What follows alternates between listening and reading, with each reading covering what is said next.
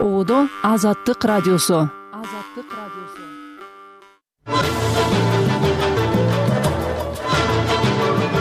Саламатсызбы кечки программаны баштайбыз. Бүгүн жыйырма сегизинчи февраль жарым сааттык уктуруунун мазмуну матраимовдорго тиешеси бар жогорку кызмат адамдарына чара көрүү талабы эми экс президент сооронбай жээнбековго жетти. Юстиция министрлиги үч жүзгө жакын адвокатты лицензиядан ажыратуу маселесин карап жатат. Бир гана соттордун үстүнөн эмес адвокаттардын үстүнөн дагы көзөмөл күчөйүп атат. Орусиянын коргоо министри сергей шойгунун борбор азиядагы бейөкмөт уюмдар тууралуу сүйлөгөнү кремлдин чөлкөмдүн ички ишине кийлигишүү катары ысбатталууда биздин коомдук аракеттерге коомдук маанайга сырткы бир кийлигишүүсү байкалууда ал арада украина армиясы авдеевкага жакын эки айылдан чыгып кеткенин ырастады. Студияда санжар эралиев азыр жаңылыктар эрнест нурматовдон рахмат саламатсызбы жогорку кеңештин басма сөз кызматы депутаттар шайлообек атазов менен айбек осмонов чет жакка чыгып кеткенине түшүндүрмө берип алар акы төлөнбөгөн эмгек өргүүгө чыкканын маалымдады. Мунун алдында бир нече басылмалар парламенттеги жеке булактарына шилтеме берип депутаттар атазов менен осмонов чет өлкөгө шашылыш чыгып кеткенин жазган. Айбек осмонов жыйырма сегизинчи февралда азаттыкка берген комментарийинде түркияга дарылануу үчүн кеткенин өлкөгө кайра кайтып келерин билдирди февраль айында лечение алам былтыр дагы карап көрсөңүздөр болот. Мурдагы жыл дагы быйыл дагы ушул февраль айында келип лечениеме келдим төрага менен сүйлөшүлүп эч кандай эме жок. Макул деп эле анан ошол сураганда эле келдим. Деди айбек осмонов шайлообек атазов менен байланышууга мүмкүн боло элек он бешинчи февралда атайын кызматтын төрагасы камчыбек ташиевке жакын экени айтылып жүргөн регион телеканалында искендер матраимов надира нарматова айбек осмонов шайлообек атазов жана нурлан ражабалиев мандатын тапшырышы керек деген өңүттөгү бир нече материал чыккан. Анда алар бажы кызматынын төрагасы мурда төрагасынын мурдагы орун басары издөөдө жүргөн райымбек матраимовго байланышы бар экени жүйө келтирилген. Мындан соң искендер матраимов нурлан ражабалиев жана абдыбакап боронбаев депутаттык мандатын тапшырган. Айбек осмонов азаттыкка берген комментарийинде райымбек матраимов менен жердеш экенин бирок эч кандай байланышы жок экенин айткан. Райымбек матраимовго январь айында издөө жарыяланган ал өзүнө коюлган айып боюнча пикирин билдире элек жана кайда экени белгисиз. Кыргызстанда үч жүздөй адвокаттын лицензиясын алуу маселеси каралып жатат. Бул азаттыкка юстиция министринин орун басары орозбек сыдыков билдирди. Анын айтымында мындай сунушту адвокатура тармагын иретке келтирүү ишинин алкагында адвокаттар кеңеши берген адвокаттык лицензия алып адвокатура менен адвокаттык иш менен такыр байланышын үзүп эч кандай иш аракет жасабай өздөрүнүн квалификациясын жогорулатпай мүчөлүк акыларды төлөбөй мындай ишмердүүлүк жүргүзбөгөн адвокаттардын тизмеси келип түшкөн. Аларды процедура менен токтотуу же аларды лицензиядан ажыратуу ишмердүүлүгү башталып атат эки миң жыйырма үчүнчү жылдын ноябрында адвокатура жана адвокаттык иш жөнүндө мыйзамга өзгөртүү киргизилген. Э, бул лицензия алууну айрым адвокаттар юстиция министрлиги оппозициялык саясатчылардын кызыкчылыгын коргогон жактоочулардын лицензиясынан ажыратууну көздөп жатат деген кооптонууларын билдирүүдө. Орозбек сыдыков тынчсызданууга негиз жок экенин айтууда. Расмий маалымат боюнча өлкөдө төрт миң жети жүз адвокат каттоодон өткөн газа секторунун калкынын кеминде төрттөн бири ачарчылык абалга жетти. Бул тууралуу бириккен улуттар уюмунун өкүлдөрү билдиришти мекеменин маалыматына караганда сөз беш жүз алтымыш жети миң адамдын тагдыры жөнүндө болууда газанын калкы жалпы эки жарым миллиондон ашык деп эсептелет. Сектордун жалпы калкына азык түлүк жетишпей гуманитардык жүк жеткирип бараткан машиналар ар кандай кол салууга талаптоноого дуушар болуп жатышканы белгиленди. Былтыр жетинчи октябрда хамас тобу израилге кол салып бир миң эки жүз кишини өлтүрүп эки жүз элүүдөй адамды барымтага алып кеткен. Мындан соң израиль газа секторуна аскердик операция баштаган. Газанын саламаттык сактоо мекемеси ошондон бери сектордо отуз миңге чукул палестиналык жай тургун абыт кеткенин билдирүүдө. Европа биримдиги орусия украинага кол салгандан кийинки коркунучтарга туруштук бериш үчүн коргоо өнөр жайын чыңдоону чечти. Бул тууралуу бүгүн жыйырма сегизинчи февралда европа комиссиясынын президенти урсула фондер ляен билдирди. Анын айтымында биринчи кезекте европада жасалган курал жарак жана ок дарыны сатып алуу иши жөнү жөнгө салынышы зарыл согуш коркунучу балким түздөн түз болбошу мүмкүн бирок андай ыктымалдыкты четке кагууда туура эмес. Согуш коркунучун көбөйтүп элестетүүнүн кереги жок бирок андай ыктымалдыкка даяр туруу зарыл биринчи кезекте европа биримдигине мүчө мамлекеттердин куралдуу күчтөрүн калыбына келтирүү толуктоо жана модернизациялоо керек деди урсула фон дер ляйен ушул тапта евро биримдик жылына бир миллион артиллериялык снаряд өндүрүү планын койгон бирок азыркы кезде анын жарымын гана жасоого жетишүүдө орусия украинага эки миң жыйырма экинчи жылдын февралында кол салгандан бери европада жеке коопсуздугу үчүн тынчсызданууда кытай кыргызстандын торгаш жана эркеш там чек ара бекеттерине айыл чарба товарларын текшерген лаборатория жана көзөмөл кампаларын курууну көздөп жатат. Бул тууралуу кыргызстандын кытайдагы элчиси ак тилек мусаева жыйырма сегизинчи февралда бишкекте өткөн тегерек столдо билдирди. Ал лабораторияларда товарлар кытайдын талаптарына ылайык текшерилет расмий бейжин аны куруп берүү үчүн эркеш там чек ара бекетине жакын жерден эки жүз гектар жер сурап жатканы белгилүү болду. Элчинин айтымында кыргызстандык компаниялар буга чейин айрым товарлардын кытайга казакстандын аймагы аркылуу экспорттоп келишкен кыргызстан менен кытайдын чек арасында аталган эки бекет бар кыргыз жылуулук энерго мамлекеттик ишканасы быйыл аймактардагы филиалдарында отуз от казанды жаңылайт. Бул тууралуу энергетика министрлиги кабарлады. Маалыматта айтылгандай анын жыйырма төрт даанасы чүй адистештирилген көчмө механикалык колоннасында жасалат. Калган алты даана от казан орусиядан сатып алынат. Бишкек менен ош жылуулук ош шаарында жылуулук электр борборлорунан сырткары өзүнчө жылуулук менен камсыздоо ишканалары да бар жана алар мэрияларга баш ийет. Калган шаарлар жана район борборлору борборлоштурулган жылуулукту кыргыз жылуулук энерго мамлекеттик ишканасынын филиалдарынан алат. Бул ишкананын он жети филиалында төрт жүз токсон от казан иштейт. Экинчи февралда бишкек жылуулук электр борборунда жарылуу болуп электр энергиясын өндүргөн жана жылуулук берген от казандардын көбү өчүп калган кийин кайра калыбына келтирилген. Мындан улам модернизациялоо маселеси көтөрүлгөн. Мунун фонунда аймактардагы жылуулук ишканаларындагы от казандар да жаңыланаары айтылып жаткан. Рахмат эрнест нурматовдон уктуңуз жаңылыктарды кабар макалалардын толук топтому азаттык чекит орг сайтында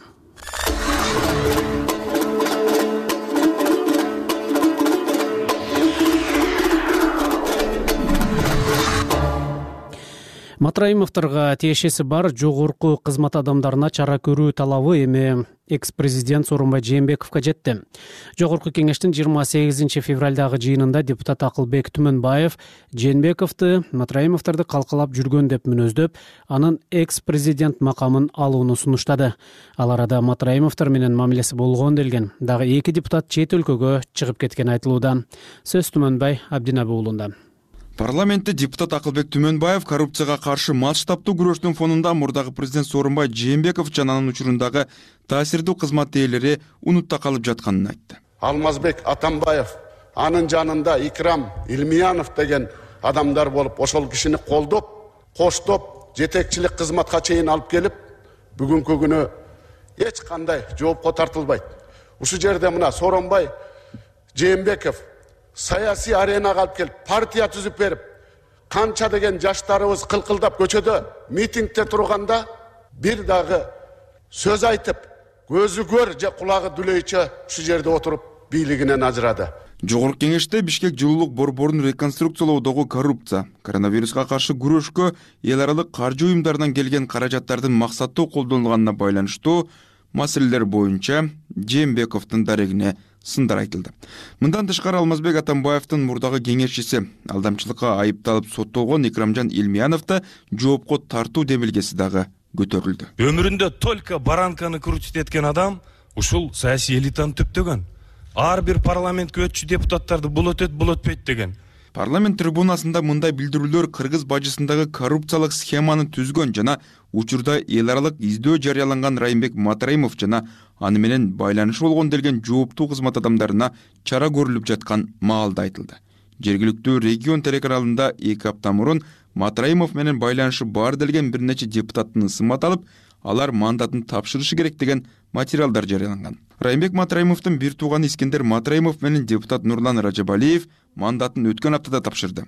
Ал тизмедеги айбек осмонов менен шайлообек атазов эмгек өргүп алып чет өлкөгө чыгып кеткени белгилүү болду осмонов ден соолугуна байланыштуу сыртта экенин айтса атазов менен байланыша алган жокпуз. Матраимовдун бажыдагы коррупциялык схемалары боюнча азаттыктын өнөктөштөрү менен жасаган журналисттик иликтөөлөрү жээнбеков президент болуп турган маалда жарыяланган.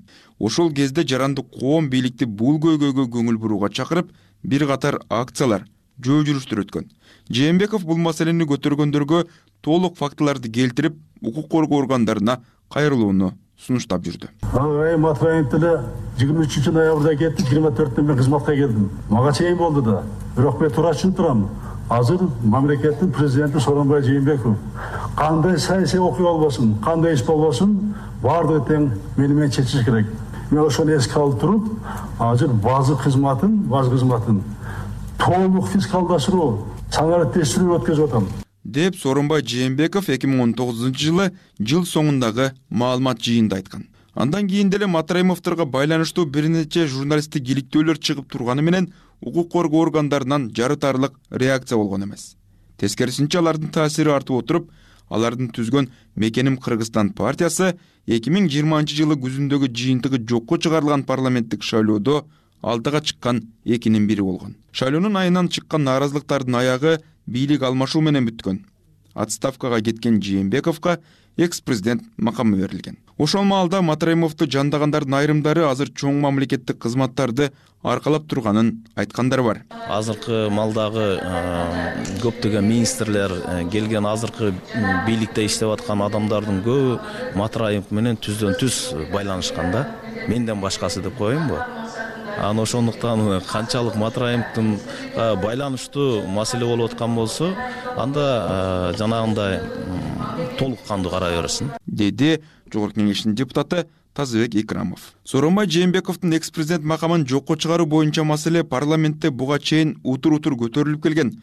Бирок аны ишке ашыруу боюнча конкреттүү аракеттер жасалган эмес. Бул ирет депутат түмөнбаев төрагалык кылган элдик депутаттык тобу жээнбековдун макамынан ажыратуу боюнча депутаттык комиссия түзүү чечимин чыгарып парламент төрагасына кат жолдогону белгилүү болду. Комиссия түзүү маселеси парламенттин жыйырма тогузунчу февралдагы отурумунда каралып калышы мүмкүн. Жарандык активист перизат саитбурхан жээнбековдун макамына байланышкан маселе терең талданып талкууланып чечилиши керек деген ойдо. Сооронбай жээнбековдун статусун алаардан мурда жогорку кеңеш азыркы кылып аткан баардык иштерин кайсы бир мыйзамдуу талаада жүргүзүш керек. Себеби дегенде биз буга чейин көрүп атабыз мына бүгүн эле анан бирдеме жакпай калса эртеси күнү аны жумуштан кетирип э, депутаттык мандатынан алып анан мындай бат баттан мыйзамсыз э, түрдө жүргүзүлүп атат да. Сооронбай жээнбеков өзүнүн дарегине айтылган сын дооматтар жана анын экс президенттик макамынан ажыратуу тууралуу аракеттери боюнча комментарий бере элек түмөнбай абдинаби уулу нурлан бейшибаев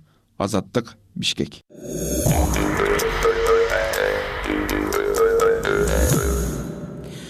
юстиция министрлиги үч жүзгө жакын адвокатты лицензиядан ажыратуу маселесин карап жатат. Мекеме алардын көбү жактоочулук иши менен жарытылуу алектенбегендер деп билдирди. Дегени менен айрым адвокаттар жана юристтер бийлик көзөмөлдү негизсиз күчөткөнүн айтып сындашууда.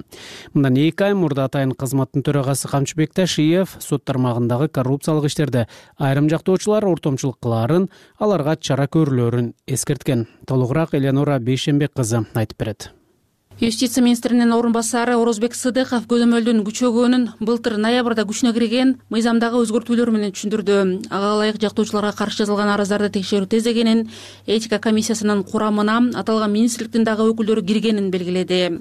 Этика комиссиясы буга чейин тогуз кишиден туруп кворум маселелери болуп жарытымдуу арыздар каралбай жылына бир же эки гана арыздар каралып жыйынтык бербей келген. Өзгөртүлгөн мыйзам менен жети кишиге азайтылып эки юстиция министрлигинин өкүлү кирип мурда арыздарды кароо үч айлык мөөнөт болсо биз бүгүнкү күндө бир айлык мөөнөткө түшүрдүк. Кыргызстанда адвокаттардын реестринде жалпы төрт миң жети жүздөй адам катталган. Учурда алардын үч миң жети жүздөйү гана иштеп жатат.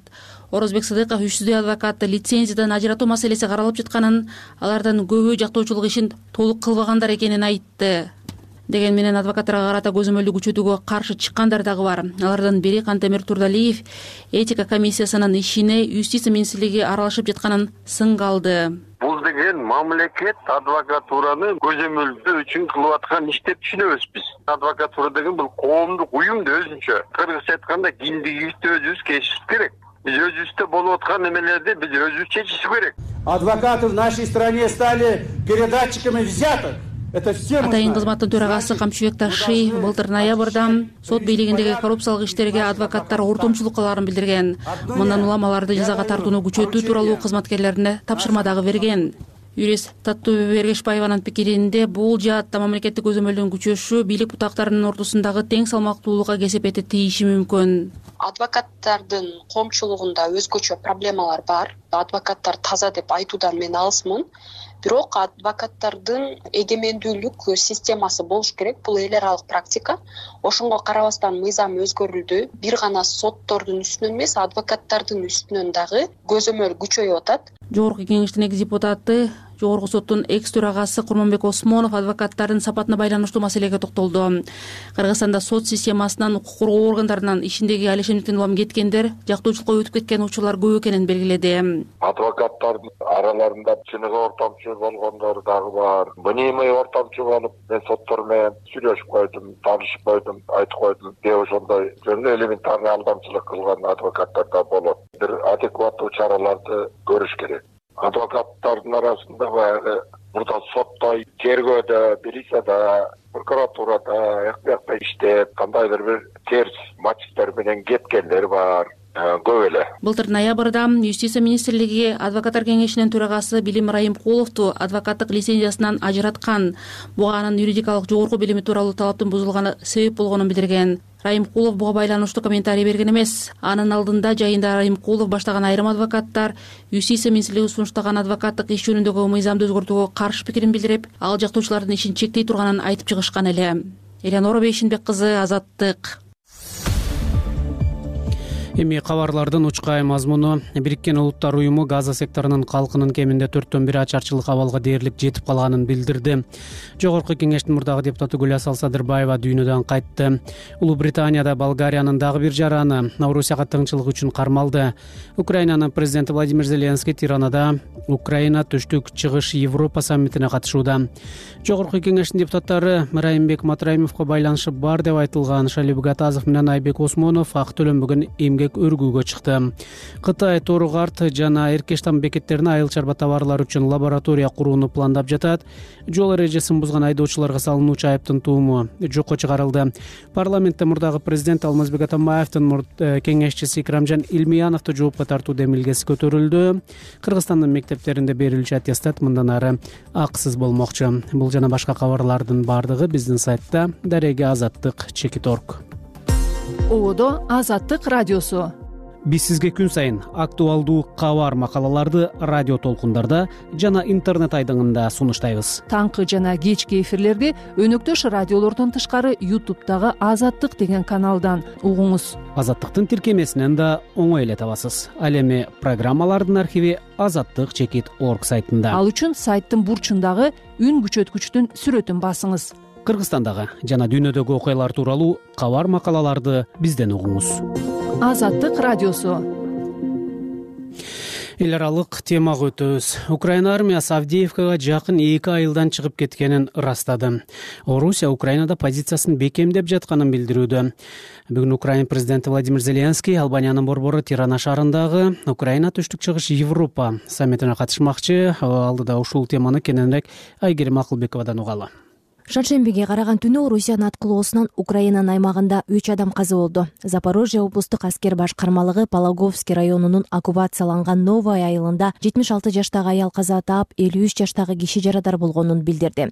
Жыйырма төрт сааттын ичинде он бир калктуу конушка эки жүз отуз төрт чабуул жасалганы кабарланды. Жыйырма жетинчи февралда украина армиясы жоокерлер авдеевкага жакын жайгашкан северная жана степной айылдарынан чыгарылып кеткенин билдирди. Бул эки айылда согушка чейин жүздөй тургун жашаган. Ошол эле учурда таненска орловка жана бердич аймактарында коргонуу линиясы турукташканы да белгиленди. Украинанын коргоо министринин орун басары дмитрий клименков жыйырма алтынчы февралда крымда өткөн форумда украина аскерлери күрөштү токтото электигин баса белгилеген эле. Биздин жоокерлер силердин боштондукка чыгуу үчүн күн сайын иштеп жатат. Алар үйлөрүн бошотуу үчүн күрөшөт. Мунун баары сөзсүз ишке ашат. Шейшембиде москва авдеевканын жанындагы северная конушу орус армиясынын карамагына өткөнүн жарыялаган с начала года на всех направлениях освобождено. Соңку жумада украинанын куралдуу күчтөрү донецк эл республикасынын победа ласточкино жана северный конуштарынан сүрүлүп чыгарылды. Башка багыттар боюнча орус аскерлери украин күчтөрүнүн объектилерине тынымсыз күчтүү ок атуучу чабуулдарды жасап алардын калыбына келишине тоскоол болууда. Шаршембиде украин президенти владимир зеленский албаниянын борбору тиранага барды. Ал албан премьер министри эди рама менен жолугушуп украина түштүк чыгыш европа саммитине катышат. Экинчи жолу чогулуп жаткан саммитте евроатлантикалык максаттарга биргелешип жетишүү тууралуу сүйлөшөбүз. Украинанын калыс жана туруктуу тынчтыкты камсыз кылуу аракетине колдоо көрсөтүүнү сунуш кылам деп жазды зеленский социалдык түйүндөрдөгү баракчаларына. Тиранада зеленский сербиянын түндүк македониянын косовонун босния жана герцеговинанын жана черногориянын лидерлери менен жолугушат. Натонун мүчөлөрү албания түндүк македония жана черногория орусияга каршы киргизилген санкцияларга кошулган. Алар украинага курал жарак жана ок дары жагынан жардам берип келет. Шейшембиде акш президенти жо байден конгресстеги демократтар жана республикачылардын өкүлдөрү менен жолуккан. Республикачылар басымдуулук кылган өкүлдөр палатасы киевке берилүүчү алты миллиард доллар жардамды колдойбу же жокпу азырынча белгисиз. Ошол тапта украина армиясында курал жарак тартыш болуп батыштагы өнөктөштөрүнөн жардам күтүп жаткан кезде айгерим акылбекова азаттык азаттык социалдык түйүндөрдө фейсбукта кыргыз азаттык үн алгысы. Threads жана инстаграмда азаттык чекит kg тиктокто азаттык чекит орг. Телеграмда жана твиттерде азаттык радиосу. Ал эми орусча баракчаларды азаттык медиа деп издеңиз. Дүйнөдөгү жана кыргызстандагы окуяларга биз менен бирге назар салыңыз. Жаңылыктар макалалар талдоолор видео жана сүрөт баяндар сиздин алаканда орусиянын коргоо министри сергей шойгу жыйырма жетинчи февралдагы жыйында борбор азиядагы бейөкмөт уюмдар орусияга каршы пропаганданы күчө түшкөнүн аларга каршы чара көрүлүп жатканын билдирди. Кыргызстанда азыр каралып жаткан чет элдик өкүлдөр бейөкмөт уюмдар жалпыга маалымдоо каражаттары тууралуу мыйзамдар орусиядан көчүрүлүп алганы буга чейин эле айтылып келген. Шойгунун сөздөрү ошол мыйзамдардын артында москва турганын далилдейби? Анын айткандарын региондогу өлкөлөрдүн ички иштерине кийлигишүү деп бааласа болобу? Айнура жекше кызы теманы улантат. Шейшембиде өзү жетектеген мекеменин коллегиясында сүйлөгөндө шойгу борбор азиядагы кырдаал татаал бойдон кала берүүдө деп айтты жана коркунучтардын арасында өкмөттүк эмес уюмдарды атады кроме того в регионе функционирует свыше региондо жүздөн ашуун ири батышчыл бейөкмөт уюмдар иш алып барат алардын он алты миңден көп өкүлчүлүктөрү менен филиалдары бар. Атайын аскердик операциянын фонунда ошол уюмдар борбор азия өлкөлөрүнүн орус федерациясы менен аскердик техникалык экономикалык жана маданий кызматташтыгын алсыратуу максатында орусияга каршы ишмердигин кескин күчөтүштү биз алдын алуучу чараларды көрүп жатабыз. Принимаем меры упреждающего характера муну менен бирге министр кандай чаралар тууралуу кеп болгонун айткан жок. Орусия кошуна украинага ачкан согушту аскердик операция деп атайт. Саясат талдоочу эмиль жороевдин пикиринде шойгунун байкабай калып же максаттуу айтылган сөздөрү кыргызстанда талкууланып жаткан чет элдик өкүлдөр бейөкмөт уюмдар жалпыга маалымдоо каражаттары тууралуу мыйзамдардын артында орусия турганын ошол өлкө дем берип түрткү болуп жатканын далилдеп койду шойгунун сөзүндө так ошол мыйзам долбоорлорун жөнүндө сөз болбойду. Ошону бирок антироссиялык маанай күчөдү жана ошого карата аракет кылып атабыз дегендин гана негизинде менимче биз албетте ошол ички биздин коомдук аракеттерге коомдук маанайга көз караштарга жалпы эле эркин талкууга болгон сырткы бир күчтүн мамлекеттин кийлигишүүсү бай калууда орусиянын өзүндө чет өлкөлүк агенттер тууралуу мыйзам эки миң он экинчи жылы кабыл алынган. Ага ылайык юстиция министрлиги чет жактан каржыланган жана саясий ишмердик менен алектенген коммерциялык эмес уюмдарды чет өлкөлүк агент деп тааный алат жергиликтүү юристтер ошол ишмердик аныкталган критерийлер мыйзамда так көргөзүлбөгөнүн белгилешет. Андыктан орус бийлиги жобого таянып агартуу маданият саламат сактоо экология адам укуктары чөйрөсүндө иштеген уюмдарды да куугунтуктай баштаган. Натыйжада көптөгөн бейөкмөт уюмдар жабылууга же ишмердигин чектөөгө мажбур болду адилет укуктук клиникасы чет элдик өкүлдөр тууралуу кыргызстандагы мыйзам долбоору орусиянын чет элдик агенттер жөнүндөгү мыйзамына токсон сегиз процентке окшош экенин аныктаган. Бир катар репрессивдүү деп мүнөздөлгөн мыйзамдар кошуна өлкөлөрдө да кабыл алынган орусия борбор азияга өзүнүн салттуу таасир чөйрөсү деп карайт. Айрым эксперттер москва украинага басып киргенден бери ошол таасир алсыраганын белгилешет. Эмил жороев шойгунун жогорудагы билдирүүсүн орусиянын аймак өлкөлөрүн өз орбитасынан чыгарбоо аракеттеринин бири деп сыпаттайт. Согуш башталгандан бери орусиянын тарабын э, таламын талашкан тарабында турган ашып кетсе беш алты эле өлкө калды. Анан алардын арасында албетте нейтралдуу позицияны карманабыз эч жакка болушпайбыз деген расмий билдирүү менен катар э, де факто орусияга өтө ыктап жакын болуп келаткан э, борбор азия өлкөлөрү албетте орусияга өзгөчө маанилүү. Кыргызстанда болсо менин э, кооптонгонум бул жөн гана орусиянын орбитасынан чыгарбай туруу эмес. Керек болсо орусиянын ошол геосаясий э, биздин чөлкөмдөгү максаттарына курал катары инструмент катары колдонуп калбаса экен деген э, менимче даана коркунуч бар. Андыктан мындай коркунучка эң негизги жолу бул так ошол информациялык коопсуздугубузду бузуп биздин информациялык майданыбызда өздөрү бийлегендей өздөрү каалагандай э, сценарийлерди ойлоп чыгуусу менимче эң биринчи орундағы э, маселе болуш керек. Сөз болгон жыйында орус коргоо министри регионго ооганстан тараптан коркунуч жаралганын ислам мамлекети террордук уюмдун согушкерлери көбөйгөнүн борбор азиялык өлкөлөр менен биргелешкен аскердик машыгуулар өтөөрүн билдирди. Айнура жекше кызы прага. Куугунтук курмандыктары. Жазыксыз жерден жайран болгон тагдырлар.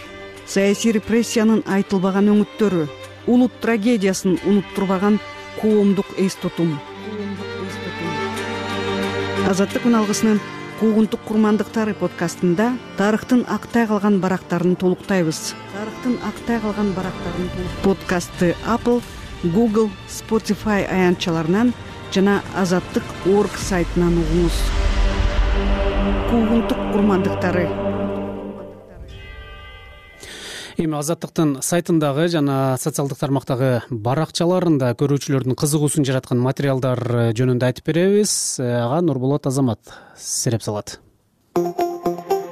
Саламатсызбы? Алгач азаттыктын youtube каналына жаңы жарыяланган видеолор менен кыскача тааныштыралы он жети жашымда турмушка чыктым. Апама болуп тийбеймин деп кыялдарым бар деп айткам. Бирок баары бир мажбур болдум. эки миң жыйырма үчүнчү жылы ош облусу боюнча кыздар эрте турмушка чыккан он беш учур катталган. Бул эки миң жыйырма экинчи жылга салыштырмалуу дээрлик эки эсеге көп. Эркине каршы эрте турмушка чыккан кыздар туш болгон кыйынчылыктар жөнүндө даректүү видеону азаттыктын youtube каналынан эрте нике талкаланган тагдырлар деген аталыш менен издеңиз я асель айдарова ведущая солистка театра оперы и балет театром связано у меня много. Балериналар пенсияга отуз сегиз жашында чыгаарын билчү белеңиз анан да кыргыз балети борбор азиядагы эң алгачкылардан болуп калыптанган. Балет дүйнөсү тууралуу жана эмнеге балет артисттери өлкөдөн чыгып кетип жатканы жөнүндө прима балерина асель айдарова менен маектен көрүңүз. Ушул обош жегенге аракет кылабыз себеби дайыма жолдо жүрөбүз. Тамакты өзүбүз жасаганбыз. Кыргызстандан алып келген чайнегим бар. Европанын жолдорунда учурда жүздөгөн кыргызстандык оор машине айдап иштейт. Алардын айрымдары эмгек акысын ала албай контракттары аткарылбай алданып ал тургай соттошуп жүрүшөт. Ошол эле учурда жумуш шарттарына ыраазы болгондор да жок эмес. Трак айдаган айдоочулар тууралуу видео азаттыктын инстаграм баракчасында эл эң көп кызыккан видеолордун катарын толуктады. Ал арада жаңы технологиялардын жасалма интеллект жардамы менен таасирдүү адамдардын сүрөтүн видеосун ал тургай үнүн да дал өзүндөй окшоштуруп пайдаланган алдамчылык жарнамалары жайылууда. Бул жөнүндө жана башка саясат маданият адам укугу коопсуздук экономика темаларына арналган аналитикалык макалалар азаттык чекит орг сайтында жана мобилдик тиркемебизде. Ал эми ыкчам маалымат алуу үчүн азаттыктын whatsapp жана telegram каналдарына катталып алыңыз. Кызыктуу видеолорду подкасттарды маектерди сурамжылоолорду көрүү үчүн азаттыктын соц тармактардагы баракчаларына катталып алыңыз. Бизди ютубтан азаттык инстаграмдан азаттык kg тик токтон азаттык орг жана фейсбуктан кыргыз азаттык үн алгысы деп издеңиз бул нурболот азамат болду. Эми эртеңки күнгө аба ырайы тууралуу маалымат. Кыргыз гидромет кызматы жыйырма тогузунчу февралда түнкүсүн жана күндүз ош баткен облустарынын айрым жерлеринде жамгыр кар жаайт деп кабарлады. Кээ бир жерлерде туман түшүп жолдор тоңголок жана тайгак болот. Батыштан шамал согуп секундасына ылдамдыгы тогуз метрге чейин жетет. Абанын табы чүй өрөөнүндө түнкүсүн минус тогузга чейин суук күндүз минус бир плюс төрт. Талас өрөөнүндө түнкүсүн минус он бир күндүз минус эки плюс үч баткен ош жалал абад облустарында түнкүсүн минус эки плюс үч күндүз плюс жети ысык көлдө түнкүсүн минус тогуз күндүз плюс сегиз ал эми нарын облусунда түнкүсүн минус он үч күндүз минус эки плюс үч градус болот. Ал эми бишкек шаарында жаан жаабайт жолдорго муз тоңушу мүмкүн. Түнкүсүн минус алты градуска чейин суук болот күндүз абанын табы плюс төрт градуска чейин жогорулайт